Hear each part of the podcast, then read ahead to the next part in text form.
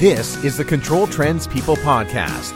There are people behind every smart building, extraordinary people who worked hard to make it happen. And this is where their stories get told.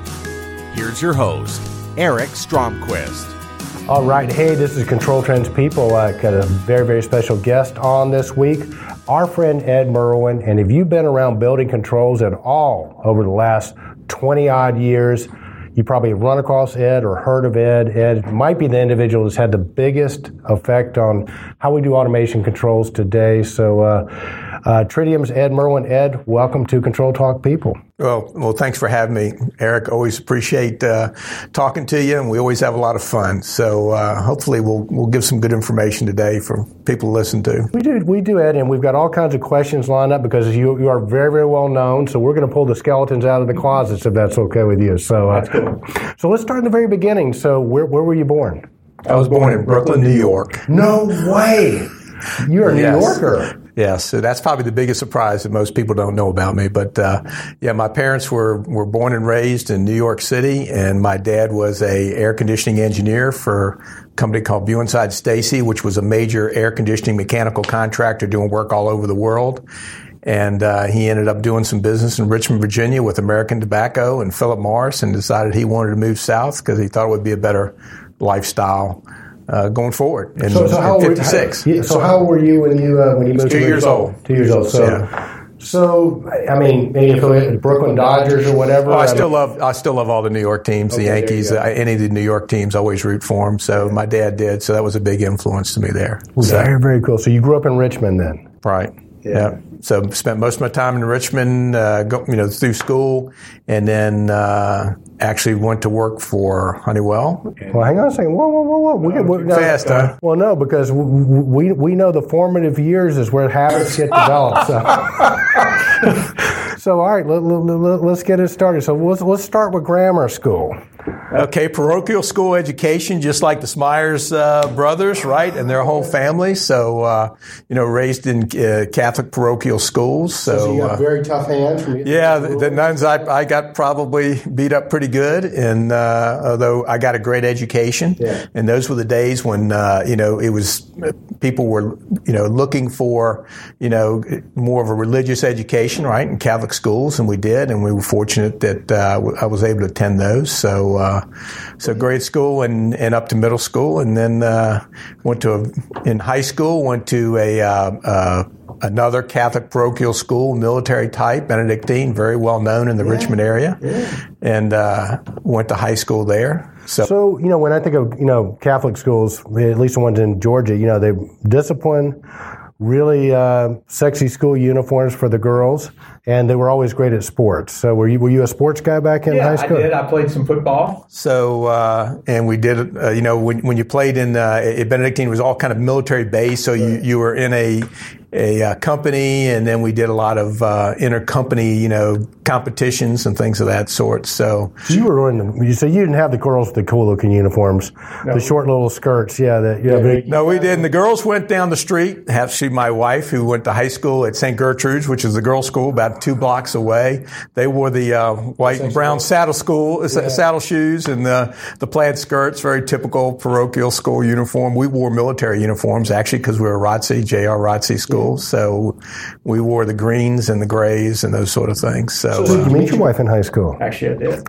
So, Let's hear that story. So how did how did that happen? Were you guys sneaking down the down to the other school, or a friend friend introduced us, and I will say that uh, I've known my wife since I was 16 years old. high school sweethearts? Absolutely. So it does work, and we've, uh, you know, been married for 40 years, so uh, it worked.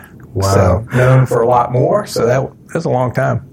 Well, it is. So, so you guys, you guys got introduced. Was it was it love at first sight, or No, I think we just kind of hung out. We, you know, that was the other thing is people that are, I I keep bringing up Catholicism, but we went to the CYO, Catholic Youth Organization, right? So you, you know, every Sunday you, you went there and you hung out and it's what kids did. And, you know, we just got to know each other, going to games, being down the street and, you know, so, uh, yeah, so it grew. And then, uh, so after high school, she went to this college called Radford, and I was going to a college called Virginia Tech, and we had no clue they were only 30 minutes apart when we when we went. So, uh, so were you guys dating in high school? we were you dating in high school, and we kind of thought, you know what, we're, we're going to different colleges. We might not see each other much after that. Yeah. But it just so happens. She called me up, said, "Do you realize we're 30 minutes away from Oh, each wow, other?" So, wow. uh, Sometimes so it things kept are just meant to be, huh? Yeah, I think it was. That, that's so cool. So, all right. So, what position were you playing in playing football in, in high Took school? a beating as center. As center. Yeah, so that was generally my my position. So, yep. So that's a kind of a thankless position, isn't it? Yeah, it is. It is. But I, I enjoyed it. In uh, uh, you know, I enjoyed the game. Uh, never, you know, played in high school, but never played in college. But we did fraternity intramural, and I uh, and I played there. and Really enjoyed it. Of course, that was a little bit rougher because we didn't wear pads. It was flag football, but it was Yeah. pretty tough. But uh, so so that was enjoyable. We had a lot of fun. I'll tell you what, I think about, um, for me, to this day, I'll dream about playing high school football. You know, it was the hardest thing I did, you know, because it was hot, and, you know, you worked hard, but there was some sort of about that, you know, you're going through it with your buddies, right? Your teamwork. You had a common cause, a common mission, and uh, it was just an awesome experience uh, for, for me, and it sounds like it was, was for you, too. But even even if you didn't play all the sports in a in a small high school with 400, it was all males, right? We were pretty aggressive. We, we, I mean, when you came to our house to play basketball or play football, uh, we were known as a basketball powerhouse. Won the state Catholic championship many many times. So you came into the uh, old gym at, at uh, in, in Richmond.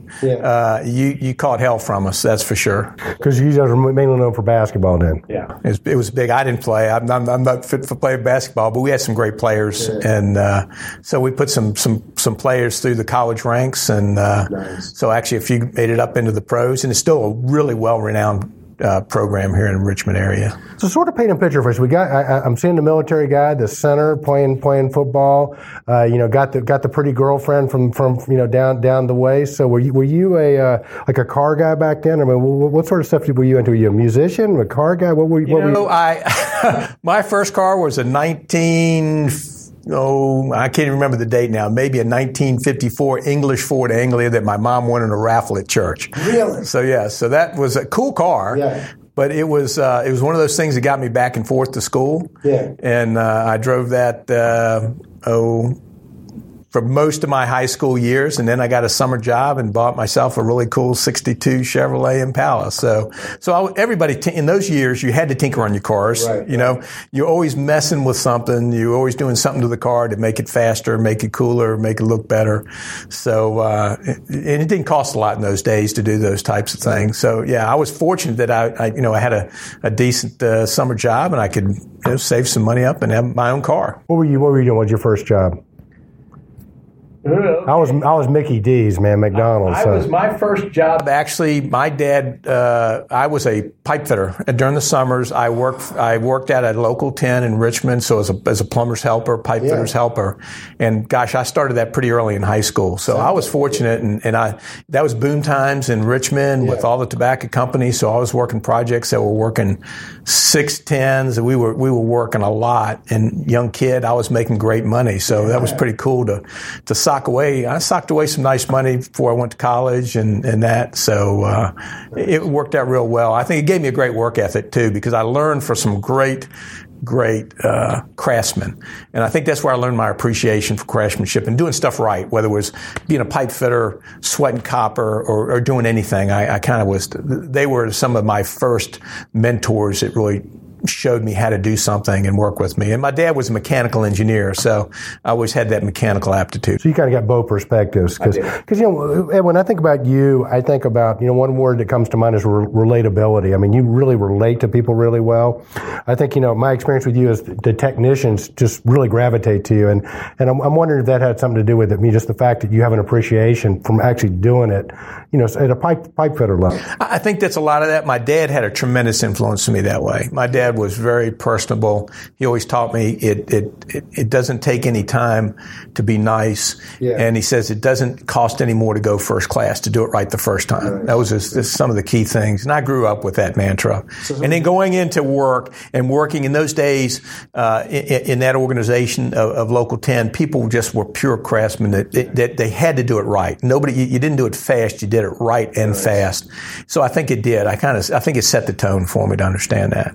Kind of interesting how those those early things will set the tone for how we how we roll the rest of our lives. So it sounds like your dad was a big influence on you.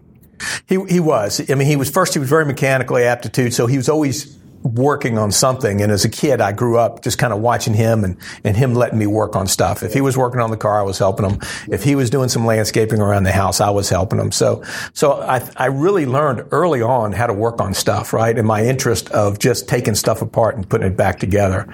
So I, I think that just kind of made me more inquisitive. That so brothers or sisters? Yes, I uh, have an older brother uh, who is uh, actually in uh, Montana now. So he's retired. He was uh, a chef Actually, he was a chef for Ted Turner down in your ways. He was a sous chef in, at CNN down there for quite a few, few years, and uh, he's retired out there now. And my sister, she's retired. She's been in the finance side of, of the business, working for a lot of. Uh, she got into the.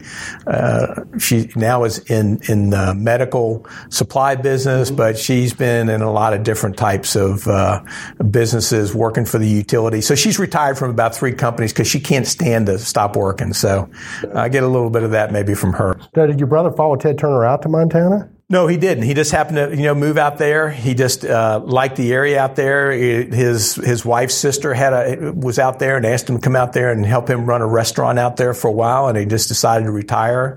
Uh, he is actually out, I guess, several hours from Billings. He's right on uh, next to an Indian reservation, and uh, he uh, actually helps and volunteers at the Indian school out there. So yeah, so he was more the English side. He was the he was the brainiac. He was the one that was uh, he graduated in English and he was very much on the literary side. And then he hung out with Ted Turner. That's kind of uh, ironic, isn't it? Because Ted Turner is a lot of things, but but a, but a literary guy. So well, yeah, but you know what's kind of funny? The stories from him were that Ted was a great guy. He would just yeah. come on in. He, he was no not pretentious at all. He would come in and he'd say, "Hey, what's what's on the menu? What can you cook for me?" And he he always treated my brother very well. Yeah, being from Atlanta, we got some folks that work with Ted. They said he'd come in and they, they called him Captain Outrageous for a bunch of different reasons, but said he, he was the type of guy he'd come in and, and to a board meeting, he rattle off 150 ideas and 149 of them would be absolute total crazy, but one would be absolutely brilliant. So, uh, so, so okay. So your your brother was kind of the brainiac in school, high school. What, what about you? Were you a scholastic guy too, or more? I was. I was pretty good in school. I was able to get into Virginia Tech, I, uh, which is a great engineering school here. Uh,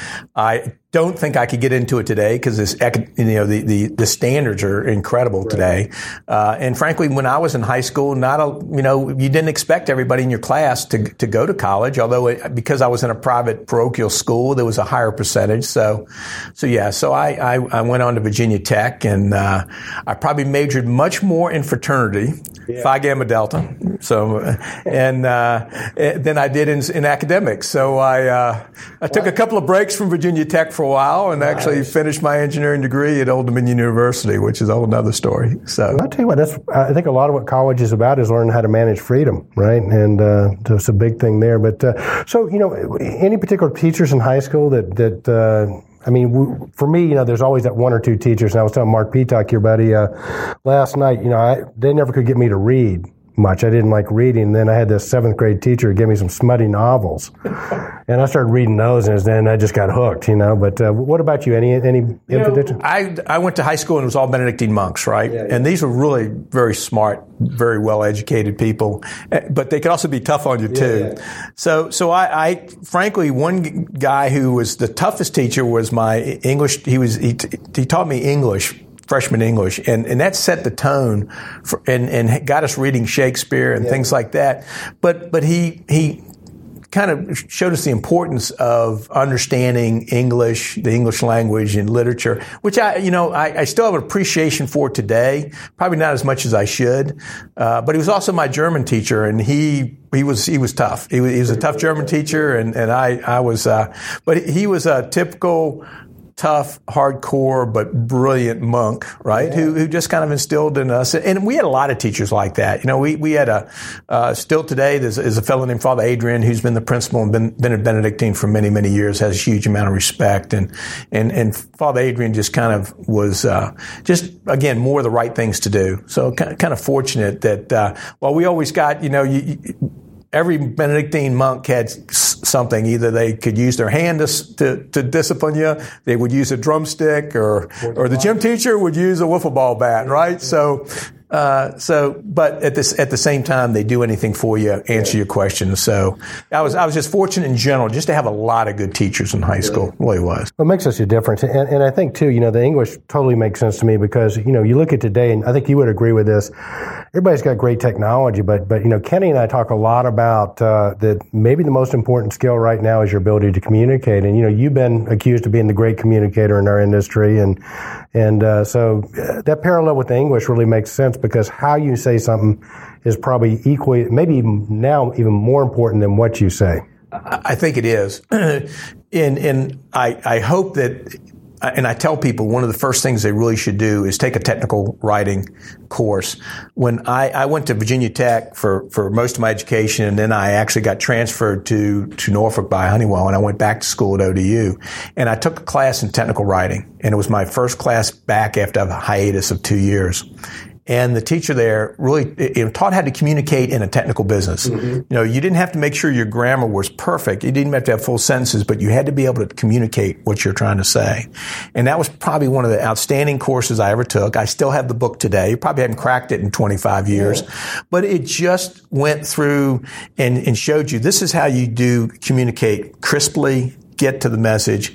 Uh, you know, one of my assignments was to actually write a manual, and I wrote a pneumatics manual as part of that. That was my my project for that course.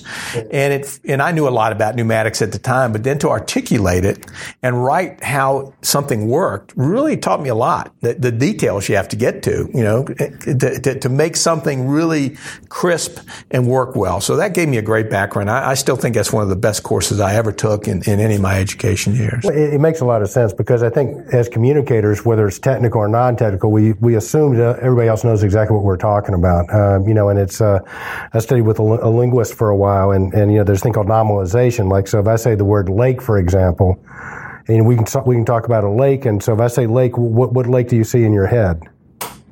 Yeah. Do you see Lake one? Sorrento, yeah, yeah. So, so, I see Lake Rabun where I grew up. Yeah. So we're talking about two different things. If I say stove, you got a stove, I got a stove, and so we assume that we are representing things in our head the same way. So, uh, so I, I, it's making a lot of sense to me because people always say, "Well, let Ed explain it." If Ed explains it, I can get it and understand. I mean, Kenny and I talk a lot about people would come in would talk to us about the Niagara framework or Tridium or whatever, and it's like, what are they talking about? You come in and, you know, three minutes later, oh, that's it. So, yeah. Well, I think I also learned that you, you have to assume uh, that people don't know anything about your technology. And I think we have to fall back and do that. So, so many of these articles I'm reading today, I'm, I'm a pretty smart person and I read them and I'm like, I don't know where this person's coming from because right. they didn't ground me in it, right? Right. So, I, and I, even when I read articles in the newspaper today, I look at this and say, you know what? They're confusing things. Are they talking about this person or that person? And I'm saying even, even the newspapers, some of the quality of writing probably isn't as, as crisp as it should be. That's why I enjoy reading, uh, my wife and I both uh, take the local paper, but we also take the New York Times, yeah, just because some of the writing there is really good, and some of the long stories you can you can get in depth. And uh, I don't think that today people are reading enough because I think you learn how to communicate by reading and, and, letting other people communicate to you, whether it's verbal or you watch TV, but that's not the way to do it. But when you read it and somebody articulate yeah. articulates it, I think you learn a lot more doing that. I think they do. And, you know, one of the things we've, you know, Kenny and I talk a lot about is, uh, you know, with, with our new generation coming into our business, the millennials, a lot of them, I mean, uh, their communication is texting, right? So it's, you know, abbreviations and stuff like that, which is a very efficient way to communicate, but it's not the only way. So, uh, so I mean, you obviously read a lot. Do you, do you like to read? I, I, do like to read a lot. I tend to read a lot on airplanes. That's my reading time. I yeah. don't. I try not. I try to read on airplanes, whether it's you know HPAC magazine or I'm I'm just going back to it, just good old magazines that I like to read and technical documents is when I read on the airplane. Yeah. I do like to read books as well, but I I, I, I know I it's it's kind of hard to get through one. It takes me forever uh, to get through one. But I, I, really that's my reading time when I do my research because I feel that's something I could concentrate on. Yeah. And uh, I, I, really enjoy that when I when I have that dedicated time. You know, it's not easy from to pull out a PC on an airplane anymore right. with a small seat. So I take that time to do my research. So that's when I really enjoy. So. So Ed, uh, you know Virginia Tech. You did Virginia Tech, and we won't go into too many details about what you learned at Virginia Tech. But let's just say, if you ever get a chance to go with Ed after hours, you definitely want to do it. Um, no, I, I, had a great uh, time at Virginia Tech. It was, it was, it was. I mean, I, I was in the engineering, and I actually moved over to building construction because I really love the, the construction business, and did that. And and you know, I just wasn't a lot of other things happened. Uh, you know, my dad got ill and a lot of things like that. It just, just things just didn't gel well for me. So I, I said, you know what? Uh, you know, I've, I've, got to go do something different for a while. So I did, and I came back here, and uh, I went to work. So is that when you started with Honeywell? It actually was. I was. I went down to the Virginia Employment Commission. and I was looking for jobs. Yeah. I was just saying, you know what? I've come back. I've got to make a living, so I went looking for jobs, and I saw this one called Honeywell, and. Uh, I came back and I asked my dad about it. He said, you know, there's a job here, a company called Honeywell. I says, well, I know all the folks at Honeywell, yeah. you know. So I, I ended up getting an interview and my dad gave me a couple of his, he gave me the Trane air conditioning manual and a couple of other manuals and I read them the night, before, you know, a couple of nights before. Yeah. So I at least get a background because I had no clue about controls or refrigeration that. We hadn't gotten to that in engineering classes yet.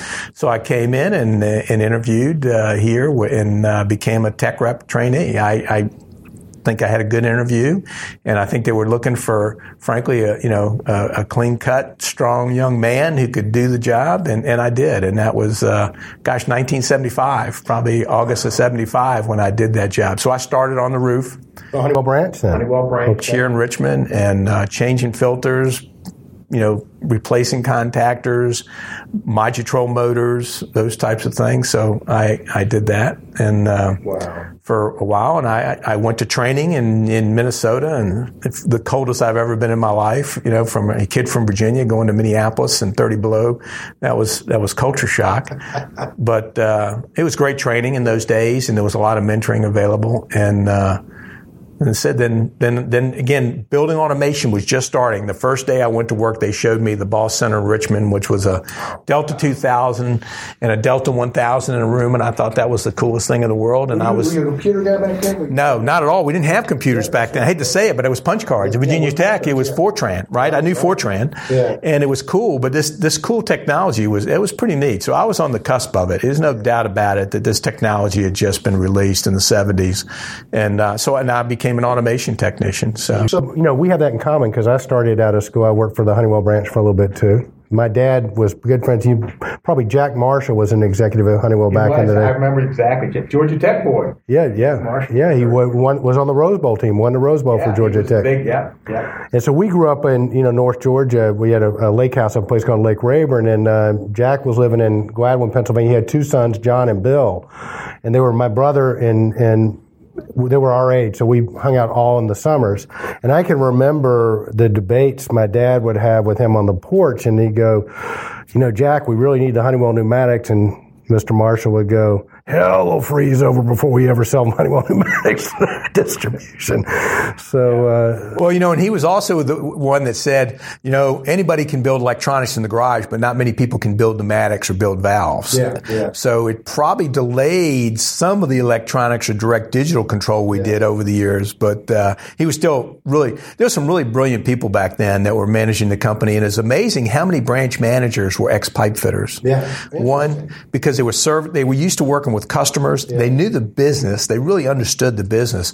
And if you go back and look today, how many of the, the branch managers in those days worked their way up? Through, through the ranks, it, it's a lot of them there. So the pipe fitting served you well, obviously. You know the the, the yeah. So okay, so you're, you're at Honeywell, you're you're, you're a tech, and um, got transferred to Norfolk, Virginia. They needed an automation tech uh, down there. Tech got promoted, so it was a chance for me to to, to move to Virginia Beach, and I became a technician down there and uh, so got a lot more training. Are you married at this time? Have you gotten you and you and your wife got married by this time? Or? Yeah, we we got married in Richmond, and about you know uh, a couple of months later, I said we're moving to Virginia Beach, which was a little bit of uh, an issue, but we we worked it out.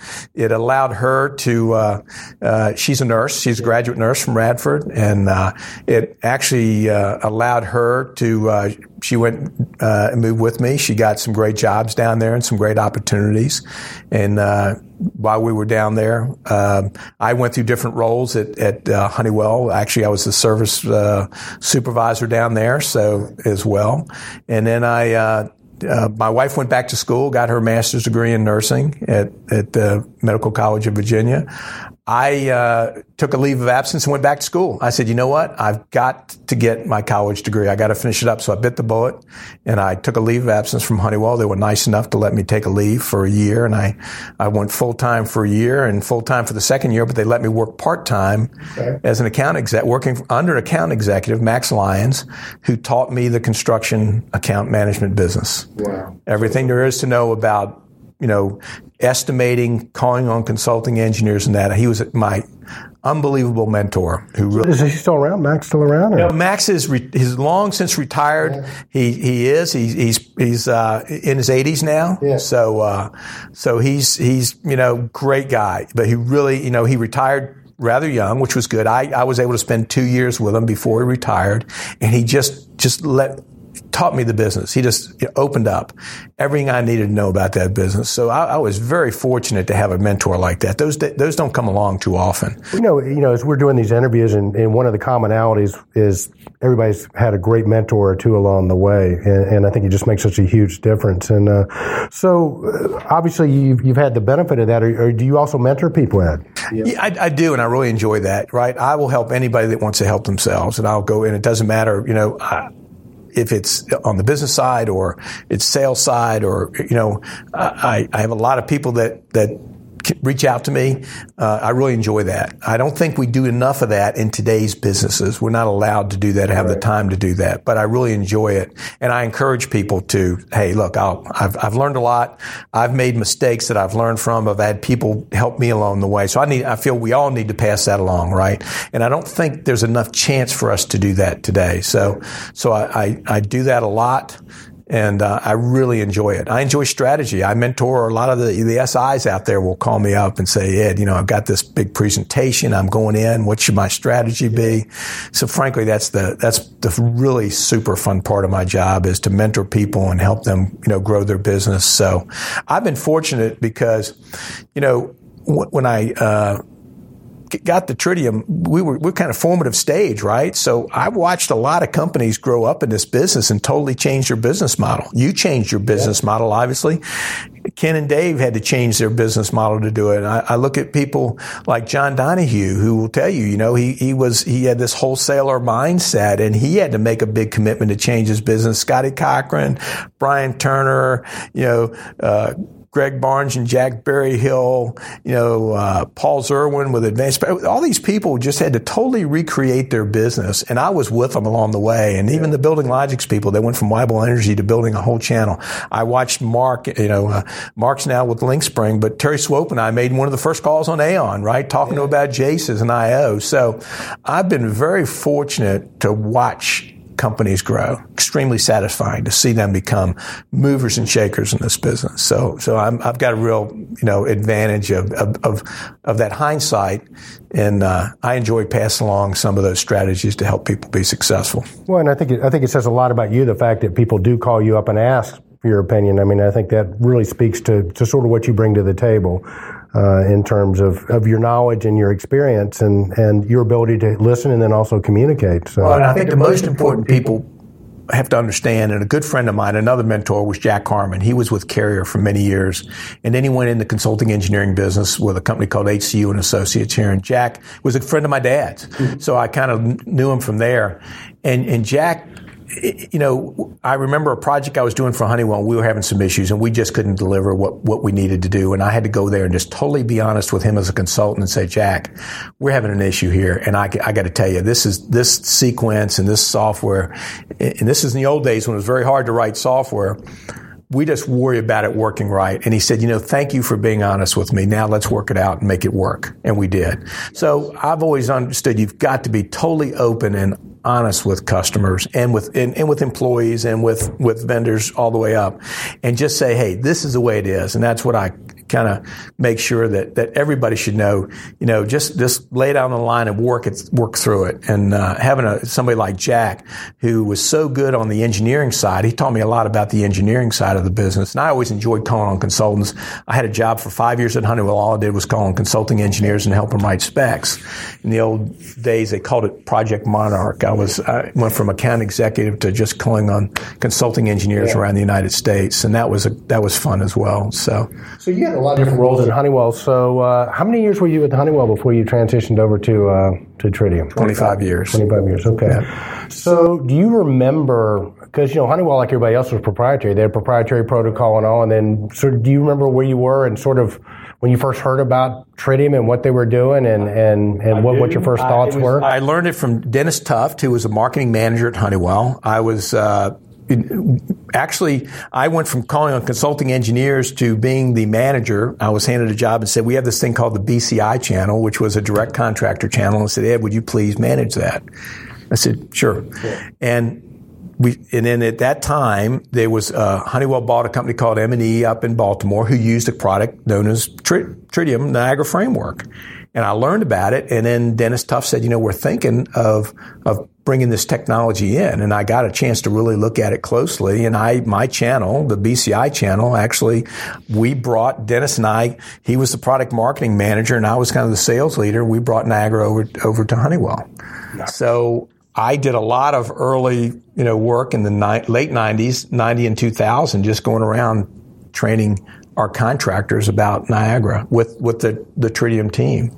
And I really got enamored with the pr- product and, and, uh, in, you know, 2001, I had the chance to, to, to come over. So, uh, in my 40s, I'm like, wow, this is a major, major change. Do I have the guts to do it? So I said, I took a leap. So, uh, well, yeah, and it had to been. I think it speaks speaks volumes that, uh, that that you know that Honeywell recognized it and that you recognize it because again, that was completely counter to how people did business. Like our pneumatics are different from your pneumatics. We're going to build a better protocol, and then I mean, there had to have just been people at Honeywell and, and these other companies going we got to kill this. This can't can't be allowed to. Well, and people, you know, those days it was service contracts. So if yeah. you sold an XBS or you, you sold an old Delta 1000, you had a service contract tail, and that's how you made money in the service right. business, right? So, and I sold a lot of proprietary systems in my day, but I prided myself in taking care of the customer. If, if I knew that they were buying continual business for me, I had to service them really well. Whatever brand they're using. Whatever, yeah. yeah. So but we lost that. I think in general, everybody kind of lost that notion that, you know, they think it's your right to be able to get a yeah. service contract. So this did change things.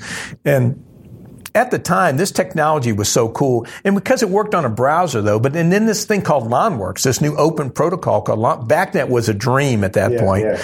And, uh, so it was, we were going around selling, you know, open as, as Lon and, and Niagara. And I guess, you know, Honeywell came out with the first Lon controller probably in maybe 96, 97.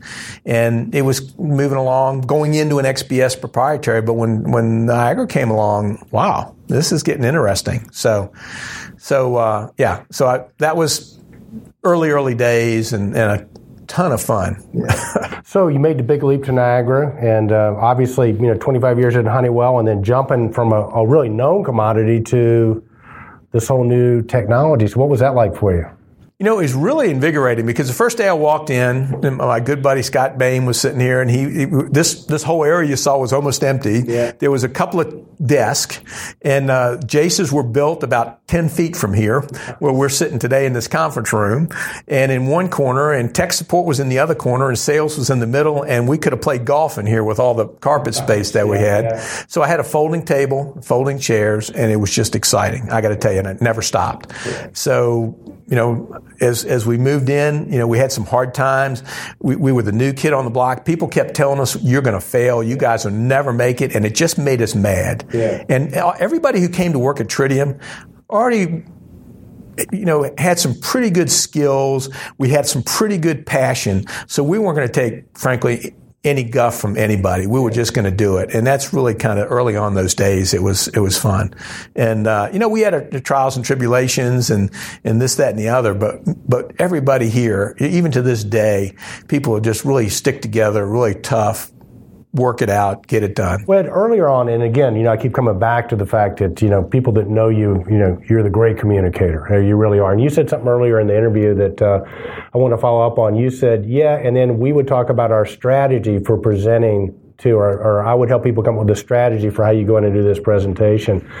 Just walk us through your sort of process. I mean, I never would, would have thought that you would map a strategy out, but before you go in to do a meeting, you probably don't have to do it now, but you get a new technology or something. Do you sort of map out your strategy or walk us through your process? To this day, the biggest problem I have, I get asked to do presentations, go to meetings all the time. And the first thing I ask anybody when I go do a presentation, who's going to be in the meeting? I want to know their names. I said, what are their titles? What do they do? And you'd be surprised how many times meetings are scheduled where nobody even knows who is in the meeting, what they do. So the first thing I try to do is understand what you know, what's the meeting for? What are we doing? And then when I, so, and then I map out and say, okay, we need to understand what are their value? What's their pain points, right? What do they, what do they want from us or, or find, we have to make a solution to a problem. We're not selling technology, we're selling a solution. And I've always been the value prop guy. Everybody will tell you, if, if there's no value proposition, you're never going to sell anything. And I, I push that, push that, push that. And it's, it's hard to get people to understand, but once they get it, they get it forever. So, and I'm not afraid when I walk into a, if I do get pulled into a meeting and, uh, and I don't have that information, I stop the meeting and say, folks, would you please go around the room and would you please tell me what you do and what keeps you up at night? And, and, and some people are like worry, well, we'll never get through the agenda. And I said, I don't care. We yeah. need to find out exactly what everybody, and they, people want to tell you that. So, so yeah, it's more mapping out, finding out what, what, what are we trying to do? How are we going to help these folks? Right. And, and if we have a solution, we're, it, we're probably going to be successful right? And if we can provide a good service, so that's that's kind of what I try to tell people they need to understand. I, I, I, you know, it's taken a while to do that, but but I want everybody to understand. Yeah, I'll be glad to coming out there, but why am I coming out there? Oh, we just want you to present. I said, what? We'll present Tridium. I said, wait a minute, guys, what's what, we're not doing that. No, we, we want to discuss. And and again, I, I is in much we're kind of slaves to PowerPoint now. And I go back, you know, it used to be I tell everybody around here we used to use flip charts in the old mm-hmm. days because we didn't have PowerPoint, but it made you think, and and it allowed us also to have whiteboarding and, and sketch things out. And more and more, we're trying to do more of that. Like let's just sit there and discuss what the issues are and let's whiteboard it out. But but even I hate to say it now, there's so many meetings where people get pulled together, they expect a PowerPoint. And if you don't have something, they're disappointed. So you got to look at it either way. But Well, I'll tell you this. I don't know what you call it. We had Scotty Cochran was on uh, Control Talk Now a couple weeks ago, and, and he made a very profound statement. You know, he, he said, people never ask the customers, you know, they don't listen to the customers. They don't ask what they want. They don't really understand what they're trying to accomplish. And uh, I, you know, I think there's just there, there's a lot to be said for that. So, and Scott's great at that because you know, and you have to do that. I, I think people understanding it that you just just don't go in there to try to sell something. You're in there to try to solve a problem. Yeah. If you think about that every time, I think people are getting better at that. But we don't we don't probably spend as much time because I had a mentors that kind of helped me through that idea, that process. Right, like when you were work for Honeywell and in the uh, 80s, you called on consulting engineers to gain their trust. You didn't do it to write specs. You wanted to gain their trust, right, and their knowledge. Then you were allowed to maybe write some specs, and then you were allowed to have a relationship with them that that allowed them to support you. Not might not help you, but they're they're not going to hurt you, right? But so so you had to you had to earn respect, and I think you have to do that with customers now, and we have to do a little bit more of that in the industry. I, I think that's been forgotten. I think so many people, uh, uh, you know, I'll get salespeople to call me as a business owner, and and you can you can tell they're just they got to make X, X number of presentations to check off on their list, and they don't they never get back in the office. But yeah, the uh, the earning the trust is is and keeping the trust. I think are the two one two of the keys to success in today's market. So Ed. Um, Who's your hero? That's a tough one. I have so many relationships with people in this industry. You know, I just, I'm just so fortunate to, to have great relationships with. You know, I, I go back to people that, that were game changers like Jerry Frank and, and, and early people early on and, and Jim Rissick, who, who good friend of ours was vice president of sales who passed away quite a few years ago. They, they were people that, that were kind of cleared the thing. But my first hero was my dad. He's the one that got me got me grounded. Then, then like I said, Jack Harmon. People in the industry and Max Lyons. Those were those three people really got me moving in the right direction. Yeah. Then, then, and I had some great mentors at Honeywell. Don't get me other ones at Honeywell as well. Dennis Tuft and I were great friends, and Dennis Tuft was really a sharp marketing person, and and helped along the way. Wayne Verlander, a good buddy of mine, who's he's the branch manager of Richmond now. We we sold together, and and we we kind of had the same idea, and we enjoyed just taking care of the customer. And to this day, he's probably one of the most oh, successful branches at Honeywell because he still believes in absolutely taking care of the customer. So, but as we go forward, all these people that, that gave me a chance and, and, uh, you know, Mark Peacock and I, Mark's been a, a great friend and, and, Mark helped us build the business. Scott Bain, who I've worked with for years, James Johnson and, and, and Roger Rebanak. Those are my three superheroes. Yeah, they, are part of my team as far as I'm concerned. They're Roger heroes. looks like a superhero. There you go. But, so, but, but the point is, I, I think think anybody, I, I, think there's so many great people in this industry. What you and Kenny are doing with control trends, right? It's totally changed the industry around. People now, now people are looking for new technology all the time. Now we're having to absorb it. Yeah. It's a lot harder, but at least we're being exposed to it, right? And yeah. we, we didn't get that before. So, so my heroes are people that take care of customers. If you take care of customers and you do the right things and you're honest with customers and you're helping the industry, that anybody can be a hero is what I'm saying, right? Nice, nice. Anybody can be a hero. Like I said, my customer base, all the great people out there, we mentioned them all, you know, John and Scotty and Brian and Greg and Jack and Paul Zerwin, Paul Oswald. These are all you know the people at HEPTA. Uh, so I mean, there's, there's, too many. I mean, I'm, I'm, i dropped somebody. There's so many great people out in the industry that are doing things. The Building Logics team, you know, the Weibel brothers, uh, you know, the Smyers brothers. It's just great families out there. You, you and your family. It's it's just wonderful to see that, right, and to see that going. So I I, I want to be careful with that one because, like I said, anybody who takes care of a customer is a hero to me. Well, yeah, yeah, and I think that's a great definition right there there. So, Ed, what's the best piece of advice you've gotten in your career? Early on, like I said, what my dad told me is it, it you know, it, it, doesn't take any extra time to be nice and, and, take care of people, and it doesn't cost any more to do it right or go first class the first time. That, that's the first good piece of advice. And again, along the way is just to be totally open, always be totally open, regardless of what's going to happen to the consequences. You, have got to be open and honest and you have to make, you got to move forward. So those are the, probably some of the key ones that I would say, what I tell people. And I said, always try to look for the solution and the value. Last question, Ed. What do you want to be remembered for? Oh gosh. Uh, I, I, want to be remembered by my family as being a great dad, okay, and, and helping them. And I, I just want to, you know, understand that I was there to help people out, that I, that I just want to make sure. I like being remembered to say, you know what? You know, Ed helped me do something or, or, you know, he, he was somebody I could trust. And that's probably the main thing is people will tell me, they, they call me up and said, Ed, I know I can trust you. Will you please give me your opinion? And that's probably been the most rewarding thing, I, I will say, just by being open and honest. And that, that's, that's something that's probably the most rewarding. It's when somebody says, I trust you and I trust your opinion. So, there you go. Ed Merwin on Control Trends People Ed, thank you so much. Oh, it's great, man. I really appreciate it.